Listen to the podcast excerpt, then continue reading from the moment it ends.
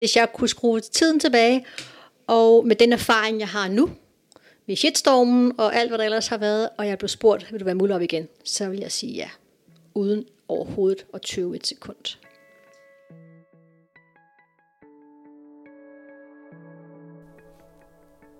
Stemmen, du hører her, tilhører Chili Djurhus. Du kender hende måske fra dokumentarudsendelsen Daginstitutionerne bag facaden.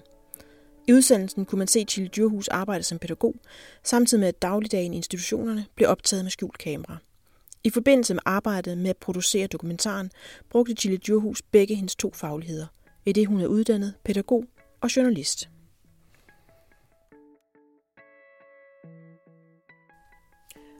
Fagjournalisten mødte Chile Djurhus på hendes arbejdsplads i februar 2020 til en snak om, hvordan hun forener sine to fagligheder. Den balancegang det var at have dem begge i spil, mens hun arbejdede som mulvarp med at dokumentere forholdene i to daginstitutioner i Københavns Kommune. Mit navn er Sofie Hall, og sammen med min kollega Mette Oskar Pedersen er vi taget ind på hovedstadens mediehus for at tale med Chili Djurhus. Øh, jeg skal snakke med Chili Djurhus ja. fra min by.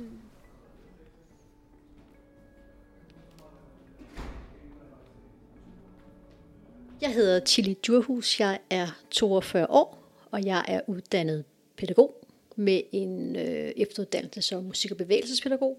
Derudover er jeg psykoterapeut, og så er jeg også fagjournalist. Og jeg arbejder øh, som journalist i hovedstadens mediehus, hvor jeg skriver for Vandløsebladet og Østerbro Avis.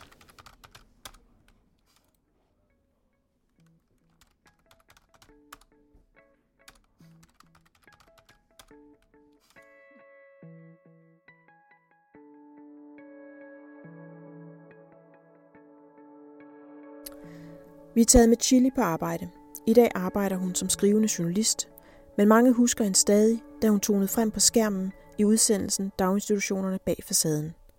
Her var hun med til at optage dagligdagen i daginstitutionerne med skjult kamera. Alt imens hun arbejdede som pædagog. Men først skal vi tilbage til 2018. Chili var stadigvæk fagjournaliststuderende og i gang med en skoleopgave om nomineringerne i danske daginstitutioner.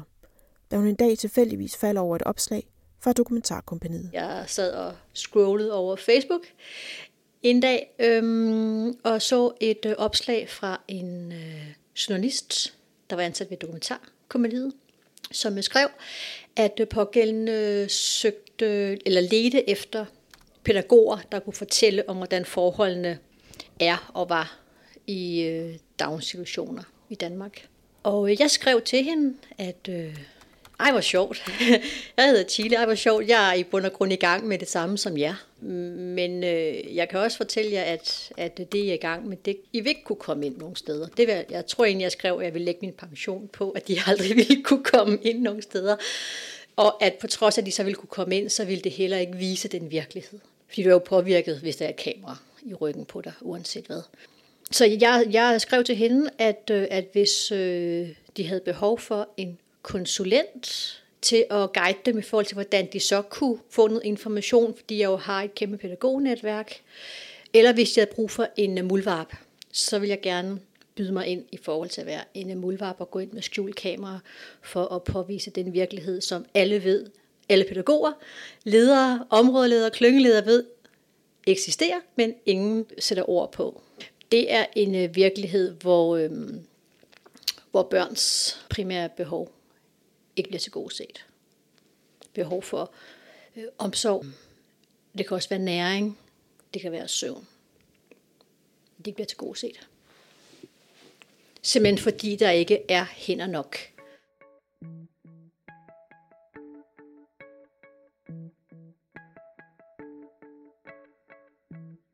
Altså fra jeg skrev til journalisten på dokumentarkompaniet til jeg sad i Aarhus, der gik der en uge.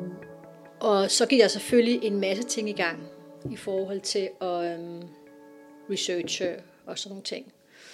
Øhm, og søge tilladelser. Og, altså, man, man skal jo bede om at komme ind de pågældende steder, før man overhovedet går ind med skjulkamera. Der er jo en, en ret skrab lov omkring det.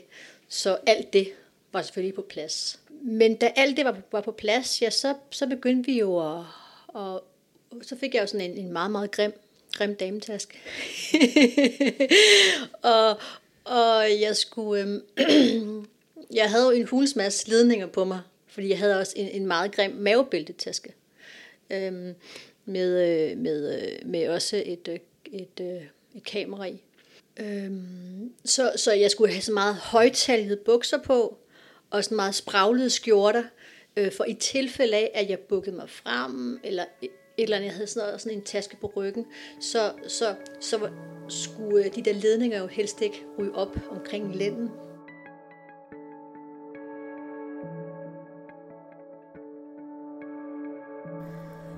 Mens Tilly blev udstyret med den grimme dametaske og det skjulte kamera, søgte hun og fik arbejde som pædagog. Hun var stadigvæk studerende ved siden af, så det var en travl periode for Chili. Og hun måtte ikke fortælle nogen, at hun arbejdede som mulvap. For langt de fleste i Chilis omgangskreds var hun blot begyndt at arbejde som pædagog igen. Så var det jo i bund og grund bare i gåseøjne øhm, at øh, gå på arbejde og stille tasken på en reol og så arbejde som pædagog. Det var vigtigt for Chili, at når hun gik på arbejde, så var det som pædagog. Journalist var først noget, hun blev om aftenen. Men det var ikke let for Chili at træde ind i rollen som pædagog igen. Det var et fag, hun havde forladt til fordel for journalistikken. Man kan sige, at, at jeg havde sådan, der var et lys for enden af tunnelen. Der var en gullerod for enden, der, hvor der sagde, at, at jeg skal ikke være her for altid. Og, og det gjorde, at, at jeg godt kunne være i det. Men jeg var også meget bevidst om, at jeg var, altså, selvom jeg selvfølgelig gjorde mit arbejde, og, og var der 100%, som jeg altid er, så var jeg jo også glad for, at jeg ikke skulle være der for evigt, var lige at sige, ikke? Øh, som jeg også tror, at det, som der også gør rigtig mange pædagoger syge, ikke? At, øh, at det er så hårde arbejdsforhold, og, og de ser, hvordan børnene har det, uden de kan gøre noget. Altså de bliver handlingslammet, og, og det er jo noget af det værste, man kan være, det at være handlingslammet. Det bliver man syg af.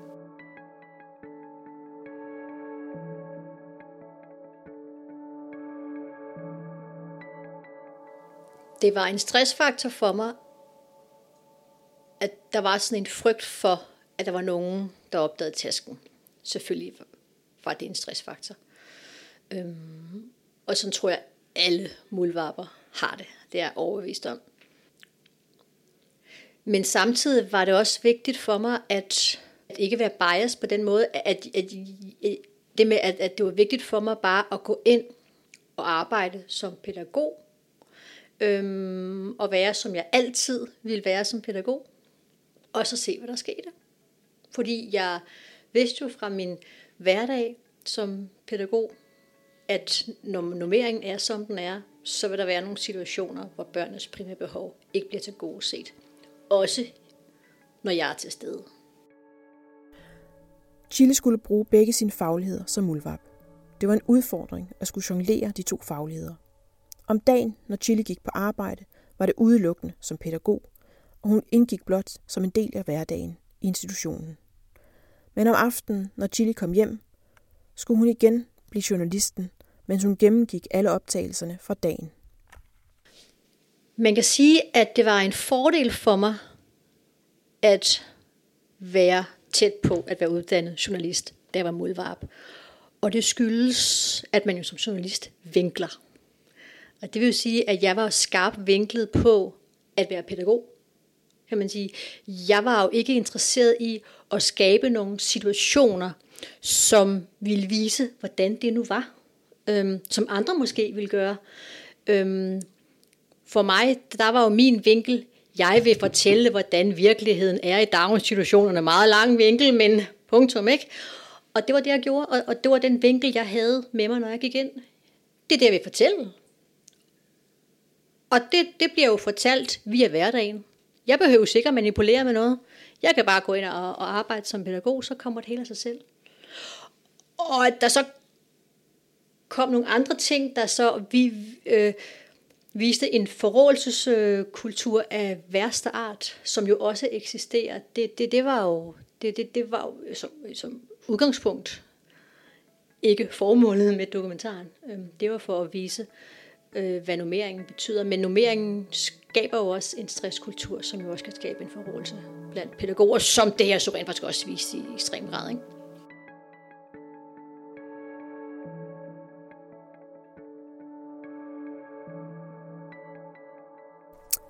Under sit arbejde som mulvap førte Chili dagbog. Både for at holde styr på, hvad der skete, og som dokumentation, når hun gennemgik optagelserne for dagen. Hendes opgave var at vise hendes journalistkollegaer fra dokumentarkompaniet, hvad de skulle kigge efter, og hvad man som pædagog så på, når det galt trivsel blandt børn. Der var det jo, der var det jo igen vigtigt for mig at fortælle alle nuancer. Øhm, jeg skrev en, øh, en dagbog, både for selv at få dagen ud. Der var jo stadig nogle ting, hvor jeg som pædagog skulle gå ind og, og forklare dem, der skulle se optagelserne, hvad er det, der sker i den her situation. Prøv at lægge mærke til, at der er x antal børn til en voksen. Prøv at lægge mærke til, hvad der sker. Øhm, prøv at lægge mærke til barnet. Der er jo rigtig, rigtig mange optagelser, der ikke er med, har jeg bare lyst til at sige. Og det er jo det, man også skal som journalist. Man, man kan jo ikke tage alt med, vel? Man kan jo ikke tage alle kilder med. Men der er jo situationer med børn, der sidder og skubber deres tallerkener på gulvet øh, i en... Øh, i, i, i situationer, hvor, hvor, øh, hvor, øh, hvor der er rigtig få voksne på stuen, hvor jeg ikke er på stuen, hvor kameraet står og filmer samtidig, hvor pædagogerne ikke lægger mærke til, at børn ikke har fået frokost, for eksempel, og børn, der ikke får deres søvn. Der, ej, men der er, der er på grund af nummeringerne. Og øh, de optagelser, der, der skulle jeg jo forklare mine journalistkollegaer i Aarhus, hvad er det, I ser? Hvad, hvad er pædagogen? Hvad er det, jeg som pædagog ser her?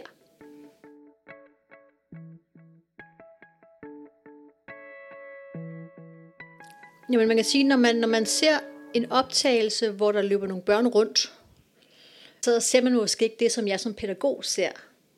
Man ser måske ikke, at øh, det her barn, der har løbet rundt i hele dagen måske, uden voksenkontakt. De ser ikke den røde tråd, fordi jeg har jo været der igennem hele dagen. Så, så jeg kunne også vise dem i videoerne, hvor er det, det også i forhold til nummeringerne har en betydning for de her børn.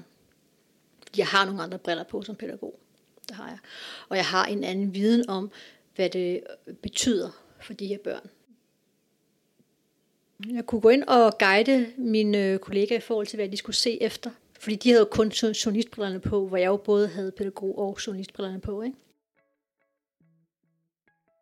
En af de centrale scener i dokumentarudsendelsen er en optagelse af en lille pige, der græder. Det var med til at sætte hele lavinen i gang og få udsendelsen på alles læber. Chili fortæller her, hvordan den blev optaget. Min opgave var jo, når jeg havde fri, det var at tage hjem og kigge alle filmene igennem, og så sende dem videre via et safe link til dokumentarkompaniet, hvor de så havde en ansat der til at læse min dagbog, som jeg skrev, og tjekke det hele igennem. Så jeg havde tit først, gik først, tit først i seng ved en tre tid. Og jeg havde set den pågældende video igennem med den, den, den lille pige. Og grunden til, at den optagelse kommer i stand, det er fordi jeg i den pågældende børnehave, hvor jeg arbejder, hører græd fra vuggestuerne. Græd og græd og græd og græd. De små børn, græder hele tiden. Så jeg siger til min redaktør, inden jeg stopper her, bliver vi simpelthen nødt til at sætte et kamera op. Og så vælger, så vælger vi, øh, så kommer jeg ind i institutionen om, om aftenen med en, en kameramand, hvor, hvor han så vælger et lokale tilfældigt i vuggestuen. Det er ikke mig, der siger, det rum der skal I vælge. Sætter kameraet op i en lille madkasse, hvor der er lyskæder i. Så den optagelse, vi ser med den lille pige, der græder i halvanden time, det er optagelser fra en dag. Øhm, og det er den sidste dag, inden jeg stopper, fordi jeg insisterer på, at der skal et kamera op. Jeg ringer til min redaktør. Det er ret sent på aftenen, det er en lørdag. Og så, så, så siger jeg, prøv lige at tjekke den her video igennem. Og så går der ikke lang tid, så bliver det selvfølgelig besluttet, at det jeg bliver nødt til at reagere på, at vi kan ikke vente til oktober måned med at fortælle, hvordan den her virkelighed er. Det bliver vi simpelthen nødt til at reagere med det samme. Det var forventeligt, at udsendelsen ville blive mødt af en kraftig reaktion. og Chili oplevede efterfølgende både kritik og positive tilkendegivelser. Nogle mente, at hun havde manipuleret med virkeligheden. Jeg blev mødt af, af, af en del kritik øhm, af, af fagforeningerne og også af, af nogle pædagoger, men der var også mange, rigtig mange pædagoger, forældre, øh, politikere, som skrev til mig privat over Messenger og øh, sagde, klap dig selv på skulderen, Chili. Skide godt. Der var så også dem, som mente, at jeg var en agent-provokatør. Der var nogen, der mente, at jeg gik ind og manipulerede med virkeligheden i daginstitutionerne. Jeg gik ikke ind i nogen diskussioner, fordi jeg ikke mente, at, at det handlede om mig. Og det sjove er, når folk skriver hadebeskeder på Messenger, så starter de aldrig beskeden særlig sødt. De starter altid med et verbalt opkast af en eller anden art. Og det gjorde jo, at jeg, at jeg bare kunne slette de beskeder, uden at læse dem. Og det var fuldstændig bevidst valg. Jeg læste ingen af øh, de beskeder, som der var, som øh, startede med noget, man godt kunne fornemme. Energien, den er rimelig sort her, ikke?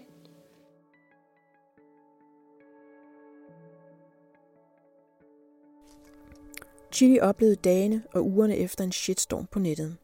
Hun fik i den periode hemmeligt nummer og søgte tilflugt hos sin kæreste. Hun havde taget et valg om ikke at deltage i debatten, i det hun ønskede, at debatten skulle rette sig mod det, der var på optagelserne, og ikke hende som person. Selvom Chili ikke læste de hadbeskeder, hun modtog, var der alligevel en række situationer, som var svært at holde sig udenfor. Der kom en række anklager på Chiles faglighed, som gjorde det svært ikke at indgå i den offentlige debat vi, vi havde på øh, fornemmelsen, og jeg fik også fortalt, at, at, at, øh, at det godt kunne gå så vildt og, og vidt, og at der godt kunne komme nogle anklager imod mig, som, øh, som var ikke rigtige. Øh, hvilket der også gjorde. Der, men men der, der kom nogle anklager på min øh, faglighed, som, som, hvor, det egentlig, hvor jeg egentlig normalt ville have reageret.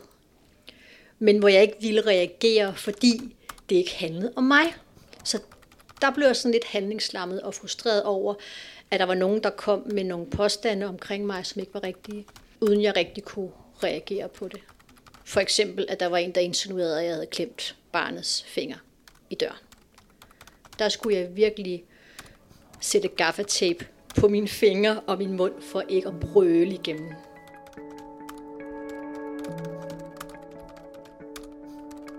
Jeg, øh, jeg gik under radaren Øh, netop fordi jeg, jeg ikke mente, at øh, jeg skulle øh, stå til mål for produktet. Fordi det handlede om børnene, det handlede om de forhold, det handlede om nummeringerne, det handlede om forrådelsen blandt pædagoger også. Øhm, så jeg valgte, og altså jeg gik ikke, jeg, jeg, jeg sagde nej til alle medier, der ville interviewe mig. Øh, jeg deltog ikke i diskussioner på Facebook, når folk taggede mig. Jeg skærmede mig ret meget. Øhm, ja, jeg havde også jeg havde en, øh, en aftale med dokumentarkompaniet, og, og det er sådan en regel, der er for alle mulvarper, at når man har været mulvarp, så skal man have nogle samtaler med en psykolog.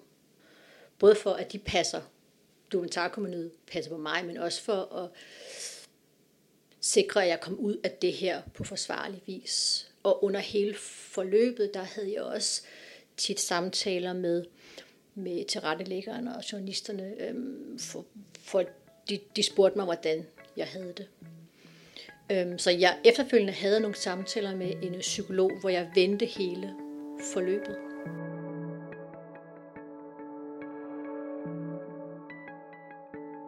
Jeg havde det egentlig okay.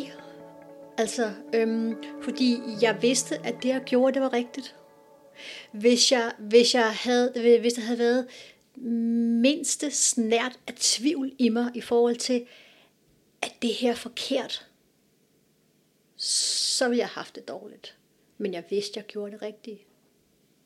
Og derfor så gik jeg ind i det med ro i maven, og, og også gik ud af det med ro i maven. Øhm, selvom det selvfølgelig var hårdt at, at, at få at vide, at jeg, at jeg var et dårligt menneske, og at jeg var agentprovokatør, og jeg havde, og der, var, der var også en, der påstod i et øh, øh, 24-7 interview, eller insinuerede, at, øh, at det var mig, der havde klemt den lille piges finger i døren. Altså, og, og det er voldsomt at få sådan nogle beskyldninger. Øhm, så det var egentlig, var egentlig beskyldningerne efterfølgende, som var værst. At der var nogen, der, øhm, der påstod nogle ting om mig, som ikke var rigtige.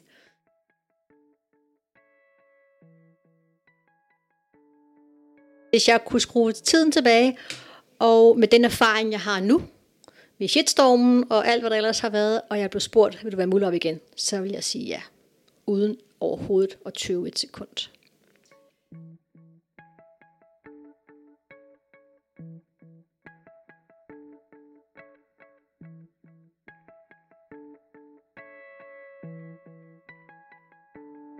Du har lyttet til en podcast fra Fagjournalisten. Vi beskæftiger os med mennesker, der har to fagligheder, og undersøger, hvordan de kan forene dem begge i deres arbejde. Jeg hedder Anne-Sophie Hall, og min kollega Mette Oskar Pedersen har siddet i redigeringsrummet. Hvis du har en historie, som du mener, vi skal dykke ned i, så kontakt os på hej Tak fordi du lyttede med.